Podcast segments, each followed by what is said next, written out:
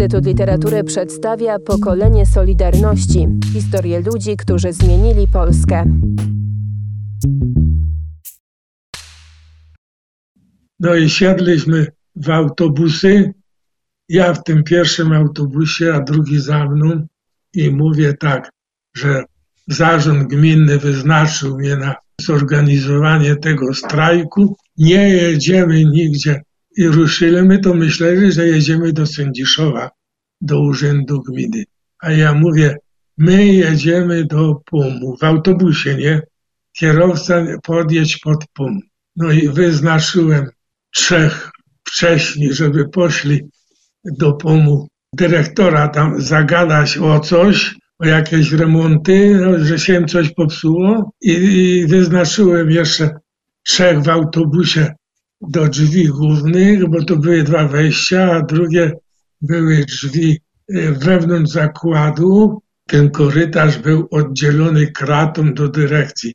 Żeby te kraty nie zamknęli, to do tych pokoi urzędników były niewiele wejścia. Wysiedliśmy i te chłopy, co tam byli u tego dyrektora, wiedzieli o co chodzi, mówią dyrektorowi, o wycieczka przyjechała. A oni mieli wszyscy dyrektorzy zakładów szkolenia, że takie coś się może odbyć, żeby pilnowali. Skoczył, chciał do głównego wejścia, te chłopy go przytrzymały. Oni tu przyjdą do dyrektora, nie musi dyrektor wyskakiwać na ich powitanie. Tak żartowali, nie? Planowali mi biurowiec tego pomu, zajęli mi dwie świetlice, gabinet dyrektora, sekretariat. Ustaliłem od razu, że każda gmina w inny dzień, strajk rotacyjny, każda gmina w inny dzień przychodzi, każdy przewodniczący przychodzi ze swoimi ludźmi. No i trwaliśmy 10 dni, potem były rozmowy. Wojewoda przysłał swojego przedstawiciela, dyrektora ośrodka szkoleniowego na te rozmowy no to przed tymi rozmowami zgłosili się do nas, do Komitetu Strajkowego, przedstawiciele partyjni związków branżowych rolników, tam hodowców bydła, koni, drobiu i tak dalej. Ci partyjni. Ten komitet nasz zaczęli chłopi mówić, ja mówię, weźcie im, puśćcie, niech będą po naszej stronie. Ja ich odpowiednio przywitam na rozpoczęcie tych rozmów. No i przywitałem ich tego, że przyszli patrioci po kasę, a nie po życie na wsi. Rozmowy trwały całą noc, a wtedy ja poruszyłem zasadność funkcjonowania urzędów miast i gmin. No jakby to dzisiaj nazwać praworządność. Nastąpiła wielka chryja z tym, że został zawieszony naczelnik jednej gminy i naczelnik tej gminy, co się odbywał strajk. Wojewoda rzeszowski Ficek, sprawa poszła do Warszawy i nie wiadomo jakby się to obróciło, ale nastał stan wojenny i to wszystko zginęło. I w rozmowie, jak mnie mieli przyznać oznakę represjonowanego, to przedstawiciel z Urzędu Represjonowanych, jak był na rozmowie tu w Rzeszowie ze mną, no i Tadek też był Kęsy, jako świadek, jeszcze tam drugi świadek, to Tadek temu panu z, z Warszawy mówił wtedy, że tyle strajków, tyle manifestacji i nikt nie wpadł na pomysł, że urzędy gmin działają nieprawdzie. Tak to sprawa wygląda. Dlaczego wprowadzono stan wojenny? Bo wtedy była wielka solidarność ludzi, żeby ludzi skłócić. Poodkrywali niektórych ormowców, takich nie bardzo czynnych, tych takich zasłużonych, czynnych to nie odkryli. No to jak jeden drugiego, no toś ty był ormowców, to cię, tyś poszedł tam, toś ty na nos czekał, to ci co, częstowali, częstowali was psiną, żebyście na nos szczekali tak jak psy. W ten sposób jeden do drugiego nastąpiły kłótnie, ale i donosili. Na mnie taki ormowiec, na tego mojego przyjaciela, co tak jeździliśmy razem, no to chodził na komendę, a ten milicjant, co prowadził Ormowców, to był mój kolega z klasy. On siedział za mną w ławce, a on miał tak jak chyba dołna. Trochę wiedział, umiał, a jak był pytany, nie mógł się wypowiedzieć. To ja go zawsze po cichu przez ramię Kaziu, spokój, Kaziu. Z początku to dostawałem ochrzan od nauczycieli, ale potem wiedzieli, wykapowali, że ja go tylko uspokoję. To on mi mówił, ten i ten przychodzi do nas i, i kłóci się z nami, czego ciebie jeszcze nie zamknęli. Jeszcze chodzisz, a nie zamknęli. Przesłuchiwać mnie przesłuchiwali, jakbym szedł do, do, do domu z pracy, przed sklepami, to zorganizowali trochę swoich ludzi, widowisko, wciągnęli mnie do suki, ale mnie puścili, no ale potem lepiej było siedzieć, jak słuchać to, co się, co potem na nas wygadowali ci urmowcy. Szkalowali, przychodziły koleżanki, takie pracownice, co kolegowały do żony. A co on zrobił? Zwolnili go. Z czego będziecie żyć? Co on narobił? No i, i też powstawała kłótnia w domu, a nie wiem, czy, czy jej żony po cichu nie szkodziły. Najpierw była furora, jak to się ten strajk, jak ja to ten rozmowy prowadziłem i wszyscy byli zachwyceni, a potem była hura na mnie, a potem znowu ci po 1989 roku ci solidarnościowcy, co się dogadywali, a szczególnie ZDZ-u, szczuli na mnie. Chcieli ludzie, żebym kandydował na radnego, alem się nie zgodził, ale wiedziałem, że co się dzieje i do dzisiaj, bo to jest zagłębie ludowców z od dawna tych starych, co podostawali pola, urzędy.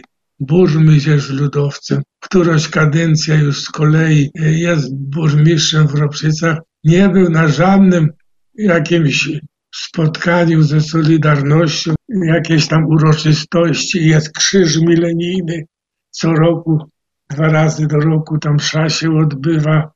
Nigdy nie przyszedł, nigdy się nie zjawił.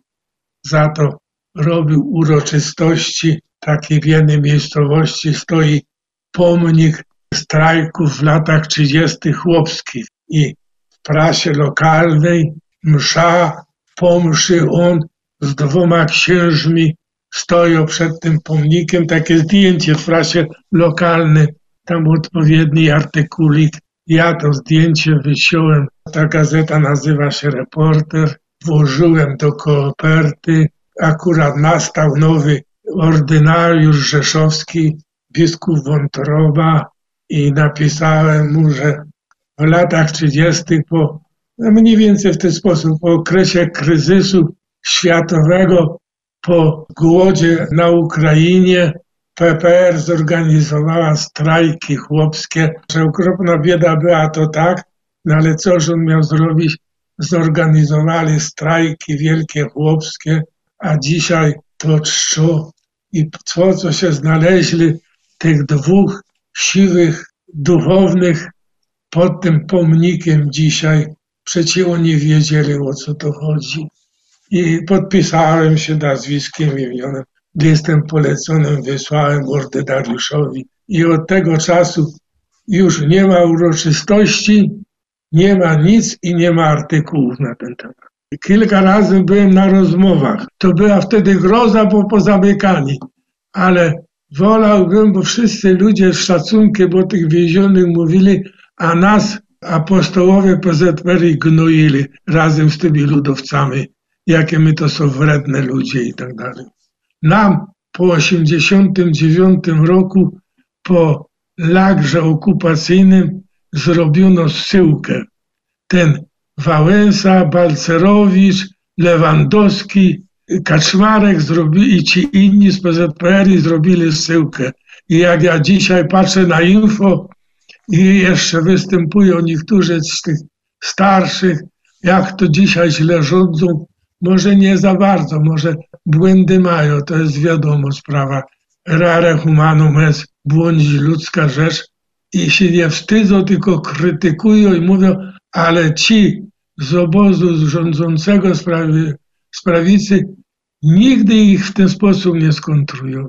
A jak się rozsadzają ci ludowcy, jak do wicemarszałka Senatu Ślisza proponowałem, wnioskowałem i mówili, my chcieliśmy tatka Kęsego zrobić wicewojewodą do spraw rolnych, bo on się tego tym zajmował. Tadek się nie zgodził, tak ja się nie zgodziłem, bo widziałem, że ci, tak ci bardzo odważni solidarnościowcy, to idą tylko do majątków. Jeszcze za komuny, nawet na tym strajku, było dwóch, trzech, czterech strasznie odważni. Jak nadawali na parcie na to, wojewoda przyjedzie, będzie od bramy do nas szedł na kolanach, żeby nas przeprosić. Ja mówię, uspokój się, co ty człowieku mówisz. To potem ja to na komendzie przypisywali, że ja to mówiłem. Ale to oni byli szkoleni, żeby robić zamęt wśród tych strajkujących, no żeby potem miał kto odpowiadać, że występują w ten sposób, obrażają władzę. Po 89 no to byłem w Radzie Wojewódzkiej RI Solidarność, przewodniczącym zarządu gminnego, powiatowego i członkiem Rady Wojewódzkiej i jego prezydium, ale gdy takiemu jednemu, którego ja wciągnąłem do Solidarności, ale to już po wyborach w 99 roku zgodziłem się zostać przewodniczącym Komisji Wyborczej, Gminnej Komisji Wyborczej, jako komisarz wyborczy. Taki afisz to mam z moim nazwiskiem podpisane. No to znowu tutaj Tadek Kęsy zorganizował spotkanie z konsulem z Krakowa amerykańskim. A akurat to było ostatni dzień składania wniosków o kandydowanie, a jeszcze byli przedstawiciele z amerykańskiej organizacji rolniczej, którą Tadek to pilotażował, wolontariusze spółdzielczości amerykańskiej.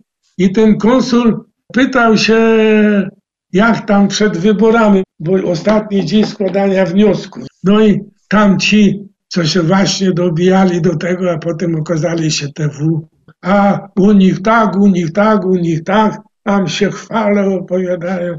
Naszło na mnie, a ja mówię, no proszę pana, już wszystko panu naopowiadali. Więcej czy mniej prawdy, ale jedzie pan do Krakowa, jest po drodze, zapraszam pana do, do Ropszyc, tam jest komisja, będzie siedziała do 24. Dzisiaj jest ostatni dzień składania wniosków. I tyle. A za mną siedzieli y, tacy tam z drugiej strony Rzeszowa, Łańcut, Jarosław, jeden potem był senatorem, drugi posłem i senatorem i mówią, ale się wysilił, ale się wysilił, nie? Że tą kupotę strzeliłem, nie? Kończy się narada, a ten konsul mówi tak, a ten pan, który mnie zaprosił do Ropszyc, chce się z nim skontaktować po naradzie. Ja mówię, to dobrze, na korytarzu mówi, skontaktujemy się.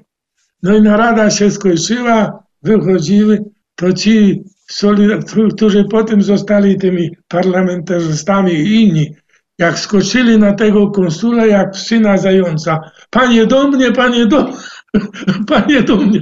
A ja stoję na boku, patrzę się i śmieję. A ten konsul stanął, nie wiedział, to mówi tak, panowie, ten pan mnie zaprosił, ja do tego pana pojadę, przecież się nie rozerwę. Pokolenie Solidarności. Cykl podcastów przygotowanych przez Instytut Literatury w Krakowie.